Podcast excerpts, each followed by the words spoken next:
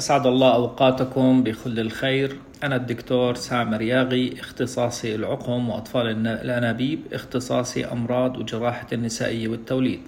حاصل على اختصاص العقم وأطفال الأنابيب من جامعة برشلونة في إسبانيا واختصاص الأمراض وجراحة النسائية والتوليد البورد الأردني. وردتنا مجموعة من الأسئلة آه، على البودكاست المركز العربي الطبي. فرح نجاوب مرضانا إن شاء الله على كافة أسئلتهم وإن شاء الله أنهم نلتمس الفائدة آه، آه، وإحنا مستعدين بأي وقت نجاوب على كافة الأسئلة.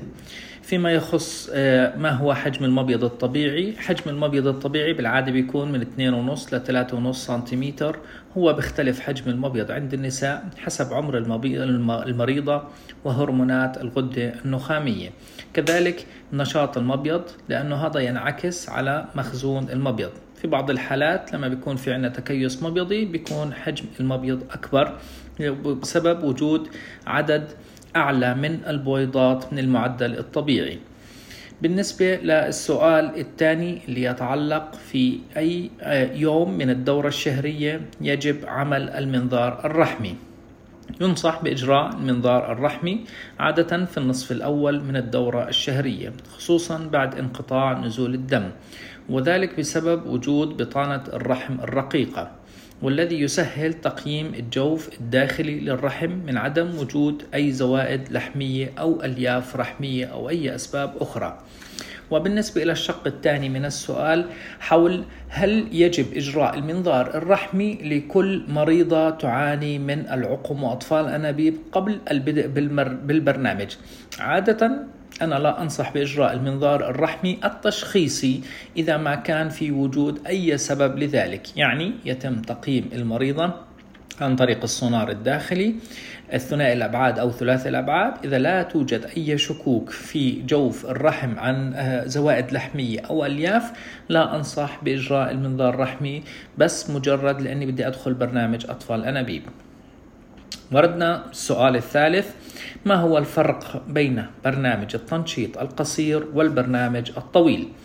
الفرق بين البرنامج الطويل والقصير هو على تجهيز المبيض في برنامج الطويل يكون في اليوم 21 من الدورة الشهرية التي تسبق التحفيز. يعني إحنا بنعطي الإبر في اليوم 21 من الدورة ولسه ما بلشنا بالتحفيز. عند نزول الدورة الشهرية بنبلش بالتحفيز الإبر حتى نتابع حجم البويضات. لكن في البرنامج القصير يتم تنشيط المبيض من ثاني يوم الدورة الشهرية. وفي بعض الفروقات الموجودة بين البرنامجين اللي هو عدد البويضات اللي تنتج عن البرنامج أيام التحفيز عدد الإبر المستخدمة في البرنامج لأنه بتكون في البرنامج الطويل بالعادة أكثر. وردنا كذلك في السؤال الرابع عن آه، علاج أو نحكي عن ضعف الحيوانات المنوية في السائل المنوي. هلا من أهم عوامل تقييم السائل المنوي عند الزوجين إحنا بنحكي عن الحركة وبنحكي كذلك عن الأشكال وبنحكي عن العدد. فإذا ما تكلمنا عن الحركة يفضل أنه تكون حركة نشطة من الحيوانات المنوية وذلك الهدف الوصول إلى الحمل الطبيعي هلا عشان نشخص وجود آه، نقص آه، في حركة الحيوانات المنوية لابد من الوقوف على الأسباب وإجراء سونار للخصية.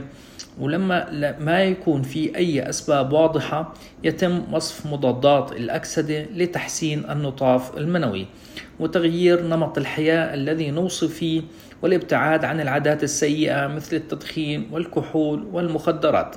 كذلك إذا في وجود أي التهابات لابد من علاج التهابات الخصية والدوالي. ودائما ننصح الأزواج بالابتعاد عن التوتر وتحسين التغذية. هاي من أهم العوامل الرئيسية اللي ممكن إنها تحسن آه، النطاف المنوي عند الأزواج. في سؤال كمان عن آه، عن آه، علاج السائل المنوي صفر حيوانات منوية وهل أثبتت الدراسات إنه يوجد علاج للحمل؟ هلا انعدام وجود النطف المنوي هي من أصعب المشاكل اللي بتواجه طبيب الخصوبة لأنه لا يوجد سائل منوي داخل الحيوانات المنوية داخل السائل المنوي فبالتالي أهم شيء تقييم الحالة المرضية عن طريق أخذ السيرة المرضية التاريخ العائلي رجاء آه، إجراء الفحوصات الهرمونية كذلك لابد من إجراء فحوصات الكروموسومات. بعد أن تتضح الصورة النهائية يقوم اختصاصي المسالك البولية بإجراء عملية فتح الخصية والبحث عن وجود النطف المنوي داخل الخصية. وكل حالة تختلف من حالة أخرى لأنه في بعض الحالات اللي هو بيكون المشكلة إما بالوعاء الناقل للحيوانات المنوية من الخصية إلى المجرى البولي الخارجي وإما في داخل الخصية فهي تختلف من حالة إلى أخرى وهذا يعتمد على دراسة الحالة كاملة والذهاب لإيجاد الحلول المناسبة. وردنا كذلك سؤال عن ضعف مخزون المبيض عند السيدات وهل في عمر ال 43 يمكن زيادته؟ للأسف لا يوجد أي نوع من الأدوية أو الحقن لزيادة مخزون المبيض لأنه مخزون المبيض هو ثابت ضمن الفترة الإنجابية عند النساء ومن فترة أول نزول الدورة الشهرية من عمر 13 إلى عمر 15 لحد فترة سن اليأس أو سن الأمل لحد عمر الخمسين سنة. لكن يتناقص مخزون المبيض مع التقدم بالعمر وبالتالي كل ما زاد عمر السيدة كل ما تناقص المخزون المبيض عندها. وردنا كذلك السؤال كم المدة الزمنية المناسبة بعد فشل أو عدد المحاولات في أطفال الأنابيب؟ للأسف آه، بعد فشل محاولة أطفال الأنابيب هو لا يوجد عدد محدد من المحاولات ولا توجد فترة زمنية محددة. ذلك يعود إلى الطبيب المعالج حسب تقييم الحالة حسب تقييم المبيض وحسب تقييم الرحم. لكن يفضل ممكن بعد مرور شهرين إذا كان العامل النفسي وإذا كان العامل الجسدي يسمح بذلك فإمكانك البدء في محاولة جديدة من عملية أطفال الأنابيب.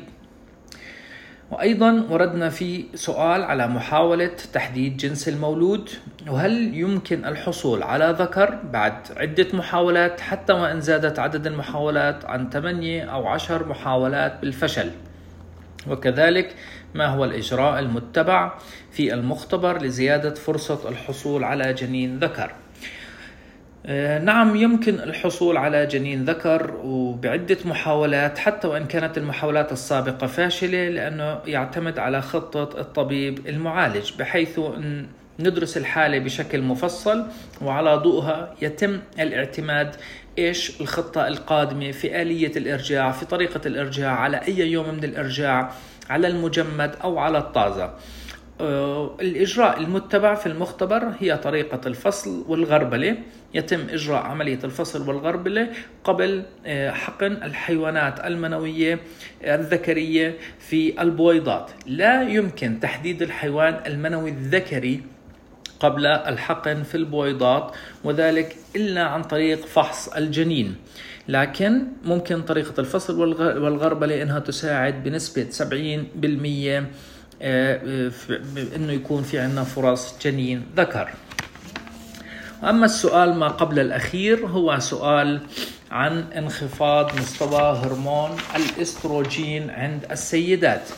إن هرمون الأستروجين يتناقص عند الستات في تقريبا العمر ما بعد الخمسين لكن في بعض الحالات اللي هو الفشل في إنتاجية البويضات داخل المبيض على عمر مبكر قد تسبب نقص هرمون الأستروجين. وهذا يؤدي إلى حدوث اضطرابات في الدورة الشهرية كذلك الضعف الجنسي ممكن حدوث الالتهابات المسالك البولية المتكررة والشعور بالكآبة تقلب المزاج حدوث جفاف المهبل شعور بالألم عند الجماع. آه، السيدات اللي تعاني من الموضوع على المدى البعيد أو في عمر متقدم 50 فما فوق هنا تكمن الخطورة في حدوث هشاشة العظام وازدياد أمراض القلب والأوعية الدموية. وفي سؤالنا الأخير بحيث آه، السؤال كيفية التركيز على مشاكل الذكورة عند الرجال وأسباب ضعف السائل المنوي؟ كما تحدثنا آه، سابقا بهمنا آه، ننظر في فحص السائل المنوي على العدد بحيث أن لا يقل عن 15 مليون. بهمنا الحركة تكون من النوع السريع 30% وبهمنا الأشكال أن تكون 4% الأسباب هي آه، آه، العلاقة العامة الموجودة ناتجة تاريخ سابق على وجود التهابات في الجهاز البولي التناسلي. التعرض طبيعة العمل أحيانا عند بعض الأزواج بيكون في تعرض للمواد الكيماوية الإشعاعات. ممكن تناول بعض الأدوية بشكل مفرط في بعض الأدوية التي تضر أكيد في فحص السائل المنوي وتقلل من جودته. السمنة الزائدة تناول التدخين الكحول المخدرات. هاي الشغلات الشائعة اللي ممكن تكون موجودة عند كل الذكور.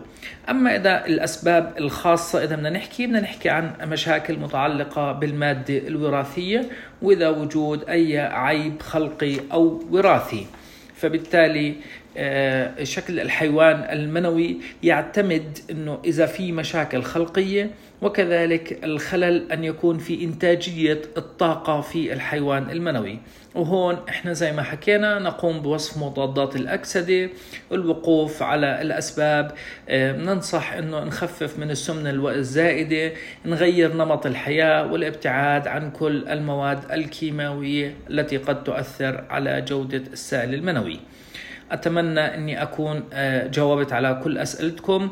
نتمنى لكم كل الصحة والعافية. كان معكم الدكتور سامر ياغي اختصاصي العقم وأطفال الأنابيب. في عيادتنا الكائنة مقابل طوارئ المركز العربي الطبي. نتمنى لكم الشفاء التام يا رب العالمين.